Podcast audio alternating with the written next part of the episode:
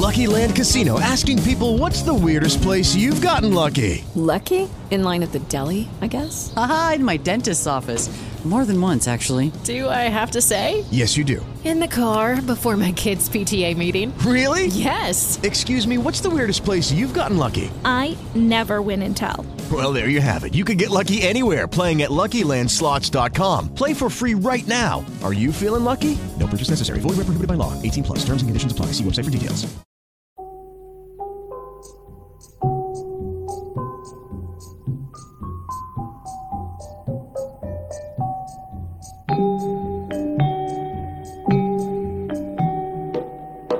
Zawsze podróżujemy zupełnie niezależnie, nie bierzemy żadnych przewodników, wszystko staramy się zrobić na własną rękę. No i chcieliśmy zwiedzić ten rejon Raja Ampat, który jest e, mało skomercjalizowany. Okazało się, że jedynym sposobem zobaczenia tego rejonu samodzielnie jest wzięcie kajaków i eksplorowanie tego rejonu kajakami. Wtedy możemy być zupełnie niezależni i na własnych zasadach cały ten obszar zupełnie poznać. Cały projekt to było 37 dni. Lecieliśmy z kajakami z Polski. Chcieliśmy te kajaki znać, które ze sobą tam zabierzemy, bo się decydowaliśmy, że nie będzie ta wyprawa w żaden sposób zabezpieczona. Będziemy zdani tylko na siebie, więc my chcieliśmy spływać na sprzęcie, który znamy i też konstruowaliśmy jakieś tam dodatkowe akcesoria do niego. Znaleźliśmy takie kajaki modułowe, żeby tam z nimi lecieć, bo to była jedyna opcja, żeby budżetowo dostać się z własnym kajakiem z Polski do Indonezji. Poświęciliśmy na planowanie tej wyprawy cały rok. Zaczęliśmy od jakiejś tam koncepcji, która się wydawała kompletnie oderwana od rzeczywistości i krok po kroku jakby dowiadywaliśmy się różnych rzeczy. Wsiedliście do kajaka i co dalej? No i dalej tak trochę jak Robinson Crusoe, od wyspy do wyspy. Był jakiś wstępny plan, jak płyniemy, ale nie dokładnie którego dnia, gdzie się mamy znaleźć, tylko no, były namierzone pewne plaże, pewne, pewne wyspy, gdzie potencjalnie uda się może rozbić namiot i, i tam zanocować. Był kierunek obrany, bo głównym celem całej wyprawy było przekroczenie równika, a później jeszcze drugim celem, którego niestety nie udało się osiągnąć, było dopłynięcie do takiego niewielkiego archipelagu Łajak, bajecznego miejsca, gdzie setki takich wapiennych wysepek się po prostu z morza pojawiają. Niestety tam nie dopłynęliśmy. Państwo podróżowali razem z córką. Ile lat miała Dobrawa? Ona wtedy miała 4,5 roku, ale to dla nas jakby nie jest takie dziwne. My podróżujemy z nią odkąd ona się praktycznie urodziła. My w ogóle podróżujemy odkąd my się poznaliśmy, więc chyba to już będzie ze 12 lat. Albo więcej, z 14. Dla nas było też normalne, że jak urodziła nam się córka, to po prostu prowadzimy dalej takie samo życie jak dotychczas. Jak miała pół roku, to byliśmy w Kambodży i później praktycznie co roku gdzieś nas nosi albo Azja, albo Ameryka Centralna była. Chyba ta pierwsza podróż właśnie tej Kambodży była najbardziej taka stresująca, bo my nie wiedzieliśmy jeszcze w ogóle jak się odnaleźć w byciu rodzicami, a co dopiero byciu rodzicami w podróży. I ta Kambodża rzeczywiście była taka najbardziej przemyślana z naszej strony i my się najbardziej do niej przygotowaliśmy. Mieliśmy pierwszy raz chyba w życiu rozrysowany taki dokładny plan. No i po tej Kambodży się okazało, że wszystko jest fajnie, że, że, że to podróżowanie z dzieckiem jest e, w miarę proste dla nas przynajmniej. No i tak już poszło z górki. Takie dziecko, które ma tam pół roku, nie wiem, roku, no nie ma żadnych potrzeb. Dla niego obecność rodziców to jest wszystko, czego ono potrzebuje. E, a teraz co? A teraz trudność polega na tym, że Dobrawa ma swój, już swoje własne potrzeby. Ona ma też zdefiniowane, co by chciała zobaczyć, albo co by chciała robić, albo co ją nudzi. Ale też fajne jest, że możemy właśnie we trójkę sobie przed wyjazdem jeszcze omawiać plan. Oglądamy z Dobrawą gdzieś tam zdjęcia, foldery w internecie, co będziemy robić, co będziemy oglądać. Ona już jakby na etapie właśnie tych przygotowań też już mówi, a może jakieś tu bym chciała to zobaczyć, a czy to tam będzie fajne, a może tam pójdziemy, więc jakby jesteśmy teraz w tym wszystkim we trójkę. I tak w sumie no nie wiem, ile się tym jeszcze możemy cieszyć, bo później już pewnie jak będzie nastolatką, to już powie, że rodzice są starzy i nudni, więc korzystamy póki możemy.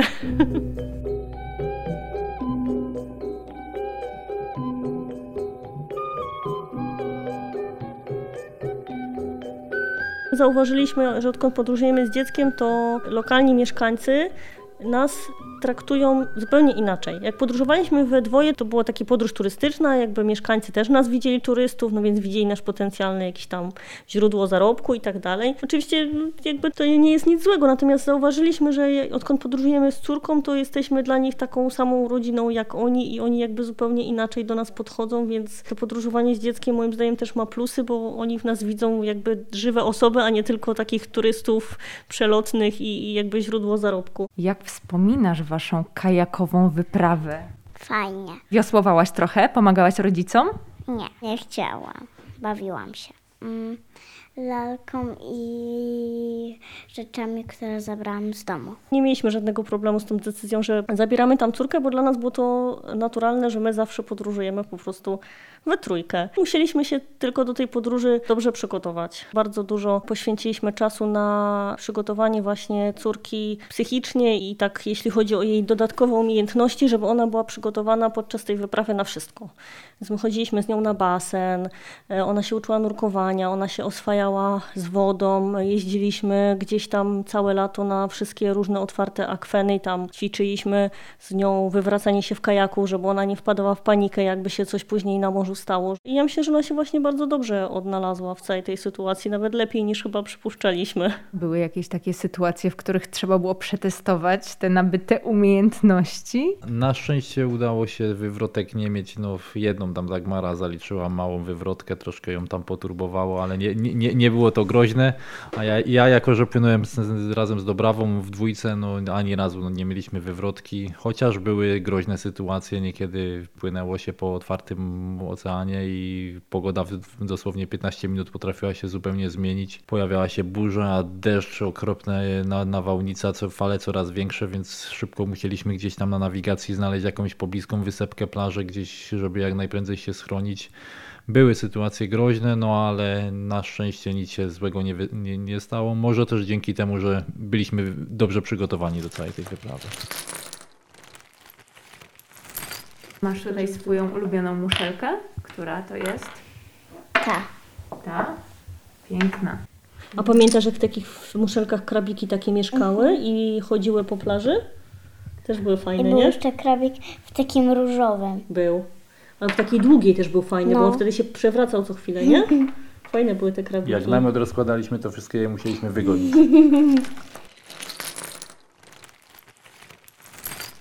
Generalnie to wszystko jakoś tam na bieżąco się rozgrywało. Z Dobrawą tam, e, głównie dla niej wymyślaliśmy, żeby ona się nie nudziła, bo to jednak tych godzin w kajaku było dużo, bo to niekiedy było 8 godzin pływania non-stop, więc o tyle fajnie, że jakby dla dzieci piasek i łopatka i woda to już jest wszystko, czego potrzebują do szczęścia, więc jak tylko dobijaliśmy do, do jakiegoś brzegu, no to z nią już nie było problemu, bo ona potrafiła się do samego wieczora po prostu w tym piasku bawić, ale gdzieś tam wymyślaliśmy jakieś e, chowanie skarbów pod palmami, E, Zrobiliśmy sobie też na równiku chrzest równikowy, zrobiliśmy sobie z dostępnych materiałów, czyli tego, co morze wyrzuciło na brzeg i liści. Zrobiliśmy sobie przebrania, więc dla niej to ona sobie zrobiła też naszyjnik z muszelek, pamiętam, i ze sznurka, który też znaleźliśmy y, gdzieś tam na brzegu. W momencie, gdy był odpływ, byliśmy w stanie na piechotę przespacerować się w głąb morza i dosłownie kilkanaście metrów od plaży stanąć na równiku, chwycić nawigację i na, i na nawigacji widzieć ciąg samych zer.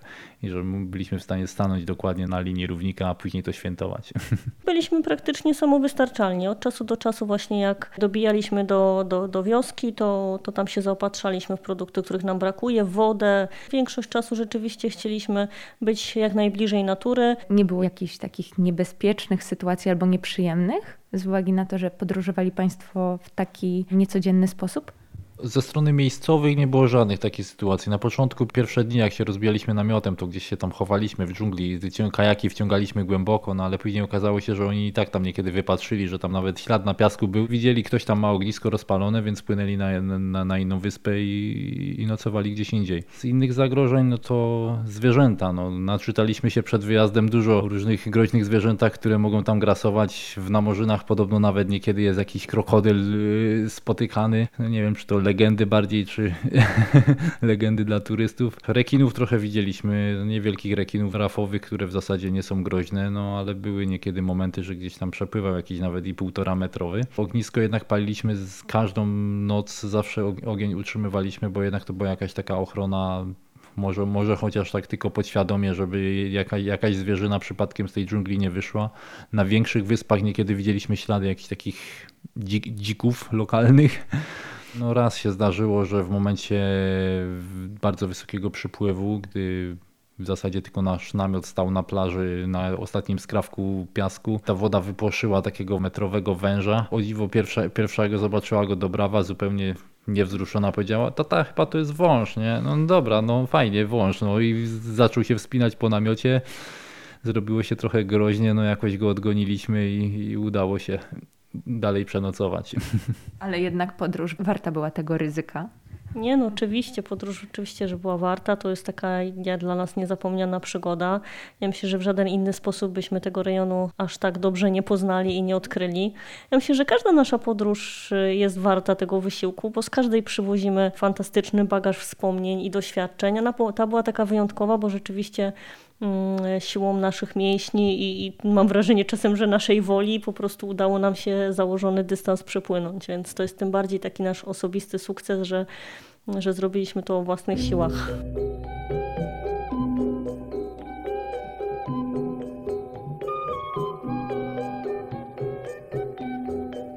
Wybieramy takie rejony, gdzie zbyt wielu turystów nie dotarło jeszcze.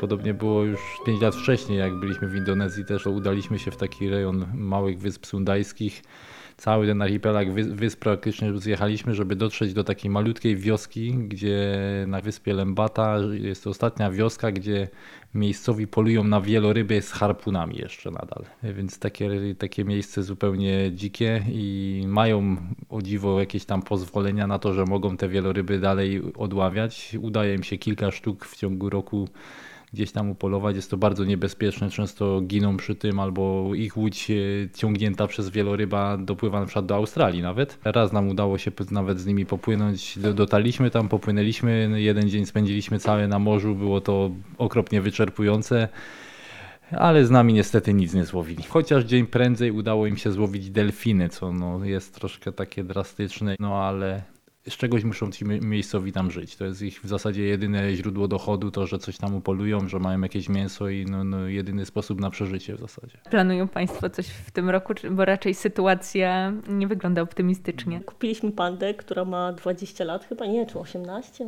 18? No pełnoletnia. Pełnoletnia jest. jest. tak? No i ponieważ był ten lockdown i tak dalej, więc my od listopada zeszłego roku ją remontujemy praktycznie od zera i jest taki plan, żeby przejechać drogą południową tą pandą do Chin, gdzie występują na, w, środowisku naturalnym pandy wielkie w Chinach i będzie taka podróż, która się będzie nazywała pandą do pandy.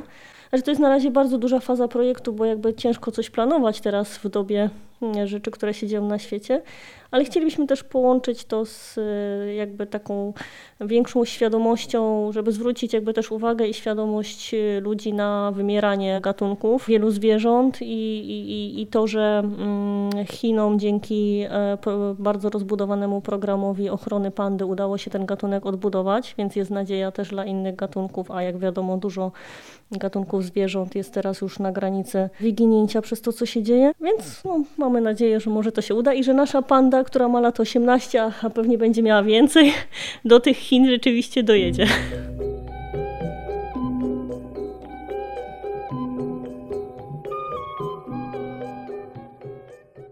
Hello, it is Ryan, and I was on a flight the other day playing one of my favorite social spin slot games on chumbacasino.com. I looked over the person sitting next to me, and you know what they were doing? They were also playing Chumba Casino. Coincidence? I think not. Everybody's loving having fun with it. Chumba Casino is home to hundreds of casino style games that you can play for free anytime, anywhere, even at 30,000 feet. So sign up now at chumbacasino.com to claim your free welcome bonus. That's chumbacasino.com and live the Chumba life. No purchase necessary. VGW, void, were prohibited by law. See terms and conditions 18 plus.